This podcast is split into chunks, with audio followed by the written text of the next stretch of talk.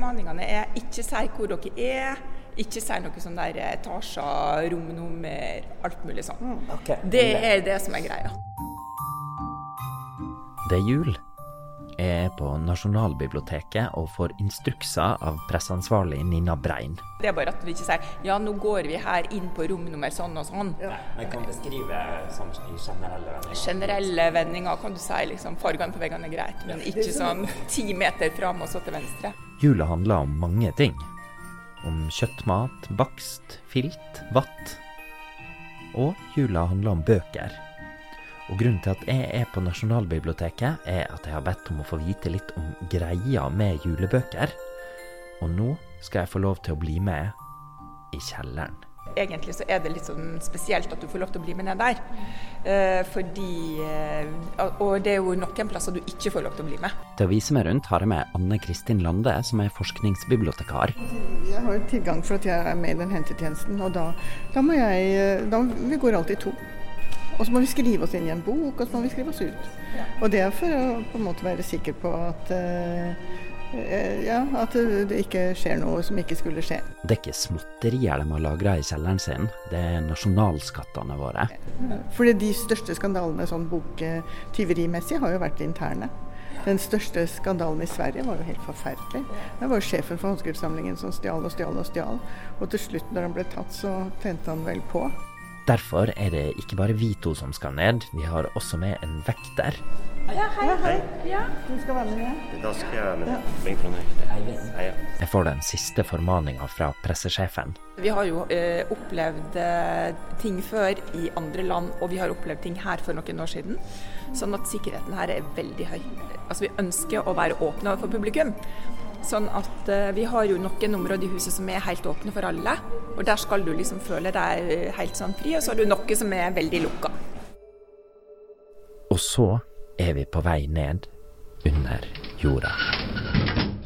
Og du blir med oss rundt? For jeg blir med dere rundt. Det er standardprosedyre at når fremmede skal inn, så må det være med, være med vekter, eller det må være to. Ja, altså til og med når det er uh, arbeidere, kanskje eksterne arbeidere.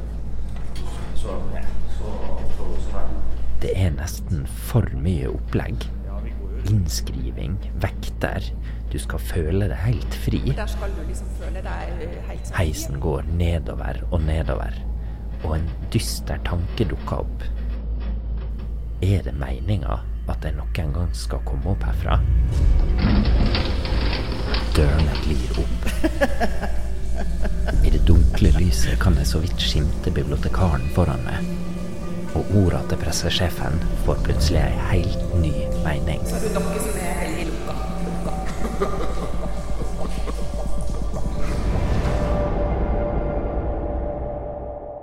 Nei da. Det her kommer til å gå helt bra. Og vet du hvordan jeg vet det? Det vet jeg fordi at dette her er et juleintervju. En slags julefortelling. Og før vi begynte på turen rundt i kjelleren, så spurte jeg rett ut. Er det her et kjennetegn ved julefortellinga, at det går bra til slutt? Ja, det må jo det. Det er jo liksom eh, Det er jo det det handler om. At det, at det er høytidsdager, og at man skal liksom slappe av og roe seg, og så at alt skal gå fint. Kommer du på ei julefortelling der det ikke slutta godt? Nei. Nei. Nei, og det tror jeg ikke jeg vil lese heller. det tror jeg ikke Nei, det er ikke interessert, faktisk. Det her er vel et spørsmål det går an å diskutere. Piken med svovelstikkene, Karens jul, Else en julefortelling. Landes ukuelige optimisme krever kanskje en streng definisjon, men den er smittende. Velkommen til åttende episode av Barnebokkritikk's podkast.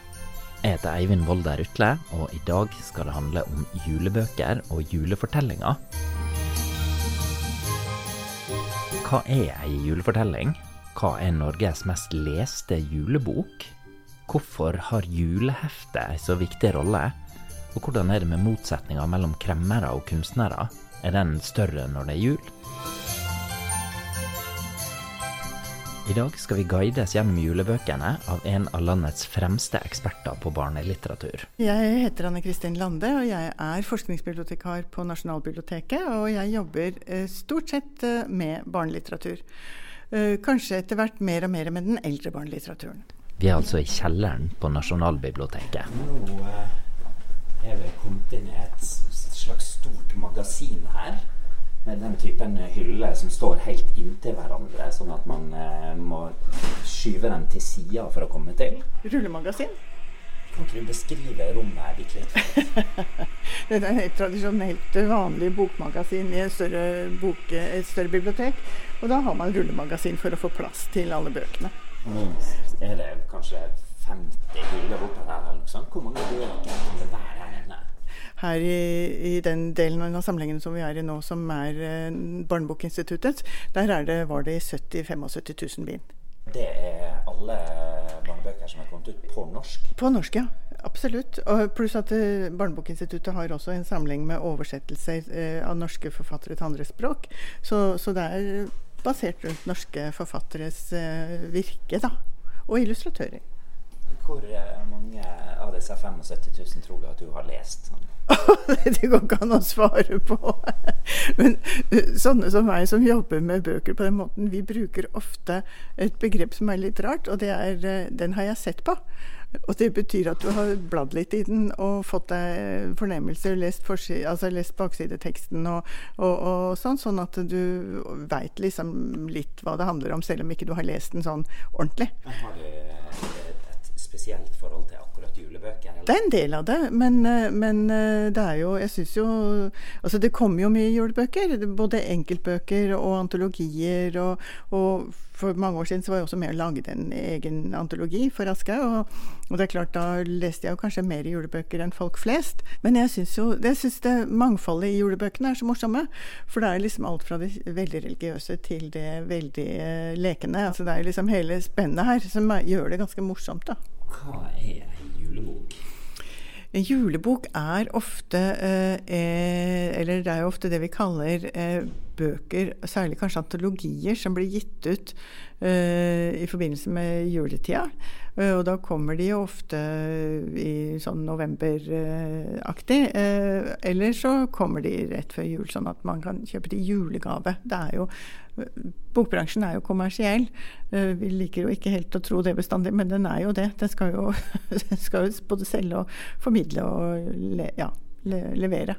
Nå har vi jo fått slippe inn i det ikke det aller helligste, men det nest helligste. ja, stemmer. Nå skal jeg få lov å se litt av eh, julebokhistoria. Hva har du tenkt? Nå står jo ikke alle julebøkene samla. For det som jeg har tatt, med, tatt deg ned til nå, det er jo der hvor antologiene står. hvor det, det er de uh, bøkene. Men det fins jo mange andre julebøker også. Det fins bildebøker som er egne julehistorier.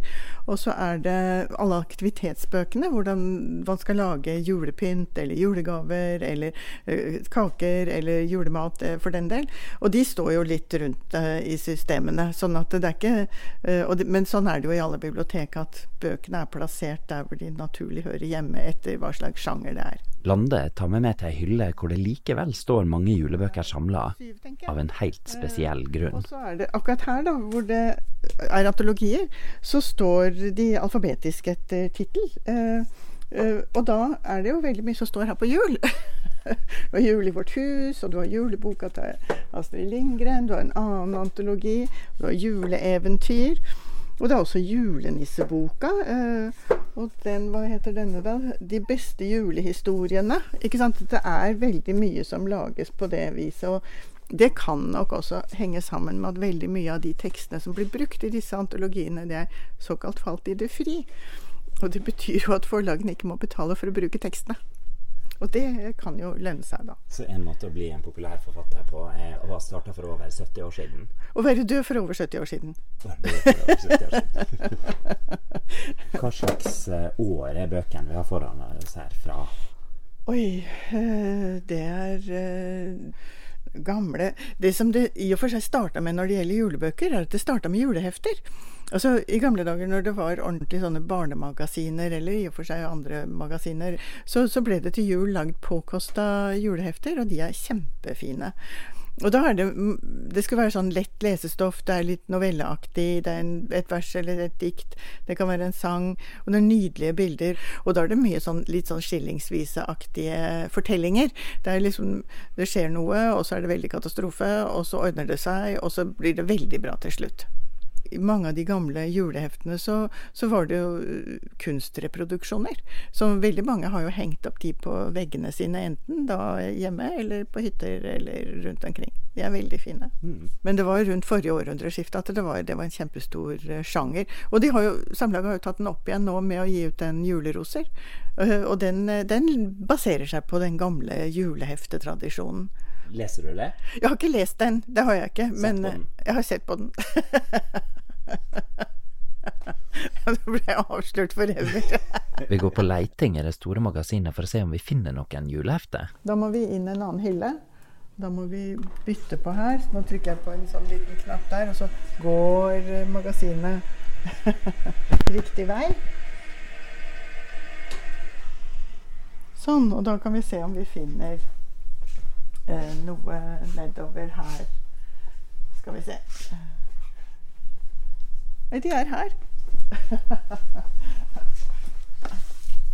Det du henta fram her nå, var en uh... Det er en bunke med uh, julehefter som er laget både for barn og for voksne. Uh, og det, er, det som er så fantastisk med de juleheftene, er jo at de har så fantastiske, flotte, illustrerte forsider. Uh, og det var jo en måte kunstnerne uh, tjente litt penger på. Sånn at den her er jo illustrert av Millie Hegard. Ved kan, juletid. Ved juletid, ja. ja. Her, er, altså her, er, det noe som er annerledes enn jeg hadde sett for meg. Ja.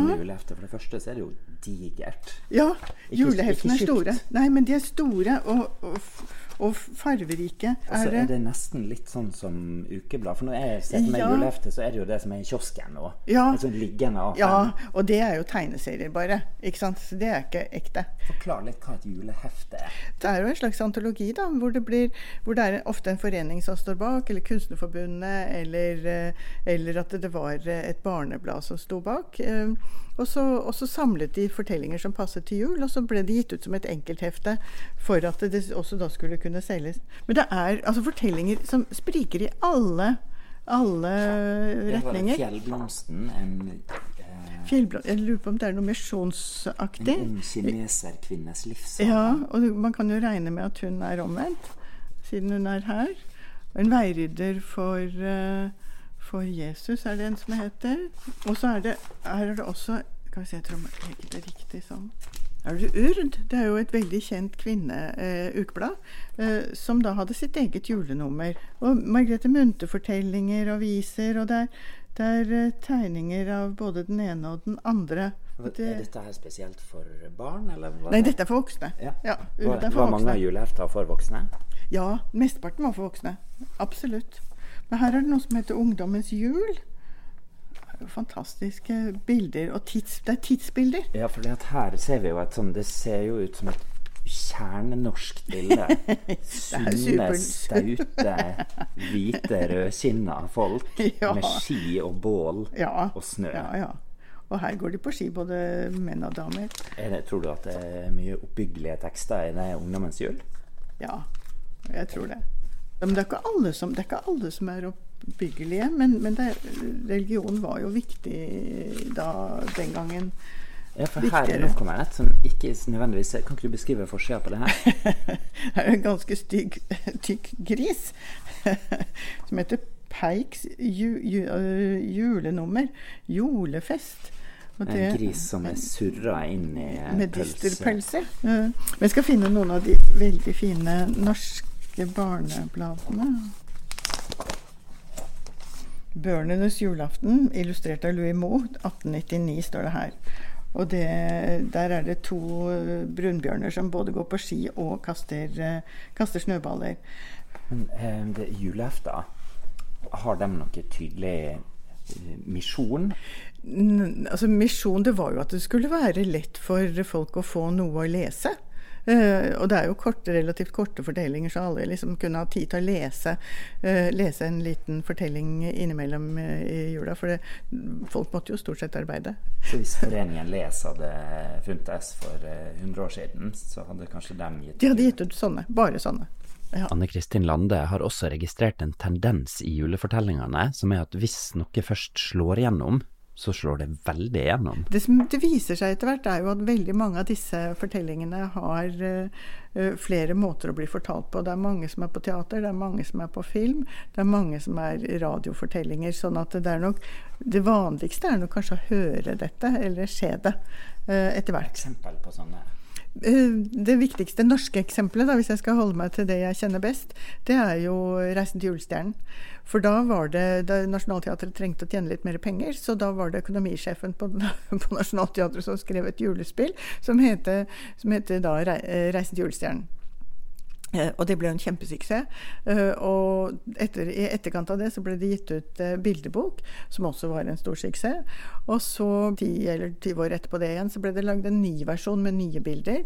Og så har vi jo mange av oss kjent den fra teatret, juleforestillinger på Nationaltheatret. Og så har det gikk, var det nok stille noen år, og så har det kommet opp igjen. ikke sant? Det kom film med, med Hanne Krogh. og så har det, For mange så er det en sånn ordentlig juletradisjon på linje med 'Tre nøtter for Askepott'.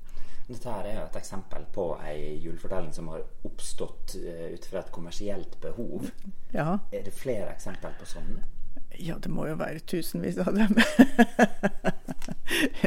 det var jo Disney. det er jo kommersielt. Men det er jo søtt for det. De der to ekornene som driver Donald eh, Duck til vanvidd inne i det treet. Altså, jeg koser meg over det, faktisk. Vi titter litt mer i hyllene og kommer over ei anna bok Lande festa seg ved. Men det som er med julebøkene, er at de spriker i alle eh, retninger. Det er liksom fra de gode tekstene til de ikke så gode tekstene. Og, og her har jeg nå bare litt tilfeldig funnet en som heter eh, Altså, Den heter jo da eh, Over tittelen så står det 'En ta og føle på'-bok. Eh, og så heter den 'Nå er det jul'. Og da er det også en eh, snømann, og det er en liten fugl med litt sånn eh, kristorn, er det vel, i, i nebbet. Og så er det, det spesielle med forsida? Og det er jo det at man kan ta på snø, snømannshatt, og at den er uh, litt, er litt lydig, og den er litt sånn uh, Uh, man kjenner liksom at det er en hatt som er laget av noe. Syns du det er et verdifullt tilskudd til eh, litteraturen? Nei, jeg kunne greid meg uten denne. da blir jeg veldig konservativ øyeblikkelig. og, og, tenker at da er det like greit å holde seg til det man kjenner. Men dette er helt klart kommersielt og helt klart uinteressant. Men hvor mye av drivkraften bak julebøker er kommersiell, og hvor mye kommer fra et annet sted? Jeg tenker at uh, eh, 95 er kommersielt. Uh, og så er de avhengig, de som skal lage disse julebøkene, av at de velger folk som vil se på det tradisjonsstoffet. Og så, selger jo tradisjonsstoffet veldig godt, da. Det gjør det. Men, men de jo, altså, det, det, blir på en måte litt sånn feil problemstilling. Fordi at en god bok selger jo alltid godt. Og det betyr jo ikke at den ikke er kommersiell. Det som er liksom vanskelig å, å, svare ordentlig på, da, det er jo det der at det, eh, det kommersielle anser i hvert fall jeg som negativt. Eh, men samtidig så er det jo veldig positivt at det kommer ut gode bøker som selger godt. Ikke sant? Og da er det fremdeles eh, kommersielt, men godt. Sånn at må, man må liksom skille mellom kommersielt og godt og kommersielt og dårlig. Kommersielt og dårlig, det kan f.eks. være den eh, Snømann... Snømannboka som vi kunne ta litt på. Den, eh, det er kommersielt og dårlig, og det kan vi greie oss uten. Mens, mens Alf Prøysen, det er kommersielt og godt, og det kan vi få mer av. Og når vi først er på Prøysen, eh, spurte Lande hva hun tror folk leser mest av nå. Hun føler seg rimelig sikker på hvilken forfatter vi skal til. Altså, en av de mest populære juleforfatterne kanskje i Norge er jo Alf Prøysen, uten tvil. Også fordi at han har så mye forskjellig. Han har jo alt fra, fra julegavelaging eh, med den eh, julepresangen, eh, og så har du på julehandel ikke sant, med teskjekjerringa, og du har også Den vesle bygda som glemte det var jul. Det er også før jul. Og så har du Musevisa og Julekveldsvisa, som begge to er julaftenfortellinger. Eh, og så har du den siste som eh, det slutter med på mange måter, som det er romjulsdrøm. Man skulle være fire år i romjul og gå julebok. Sånn at han, han har med det hele, og så har han liksom både det der som er sånn morsomt og muntert og lett og underholdende. Og så har han det alvoret som det er i, i julekveldsvisa. Men det er ingen av dem hun har nevnt nå hun tror er den mest leste i dag. Det er en annen klassiker. Mulig at det nå er Snekker Andersen. Det er også en julaftenfortelling hvor snekker Andersen og, og julenissen krasjer eller kolliderer, og så, og så, går de hver til sitt. Det vil si altså snekker Andersen går til julenissebarna, og, og julenissen går til snekker Andersen-barna. Og så får alle en perfekt jul med den riktige utkledde personen eller den riktige kledde personen som kommer med julegavene. Jeg tror kanskje at Snekker Andersen er en av de viktigste fortellingene nå, fordi at den den, eh, den Jeg tror til og med i år at de har lagd en ny film. Ja. Og jeg tror sånn som nå når den blir filma og, og, kommer på kino, så tror jeg nok at det er mange som går tilbake til boka uh, og kjøper den. Og til slutt spør jeg også om mest solgte julebok gjennom tidene. Og da skal vi jammen også til Prøysen. Da tror jeg nesten man må se på, på julekveldsvisa til uh, Alf Prøysen. For den kom som egen bok noen år etter at den sto på trykk første gang. For den kom i Magasinet for alle i 51. Da var liksom sangen uh, ble trykket der første gang. Og så i jeg tror det er i 57 så kom den som bok, og da kom den Og den ble trykt i enorme opplag.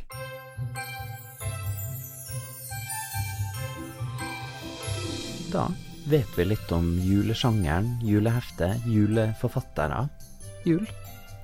Jeg har lært en ting eller to, men eh, først og fremst har vi kanskje fått bekrefta det vi visste fra før.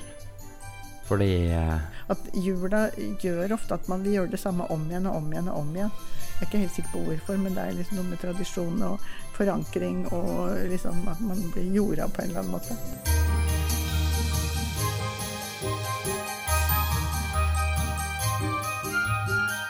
Du har hørt åttende episode av Barnebokkritikk.nos podkast. Podkasten er produsert av Brillefilm, programleder var Eivind Volde Rutle.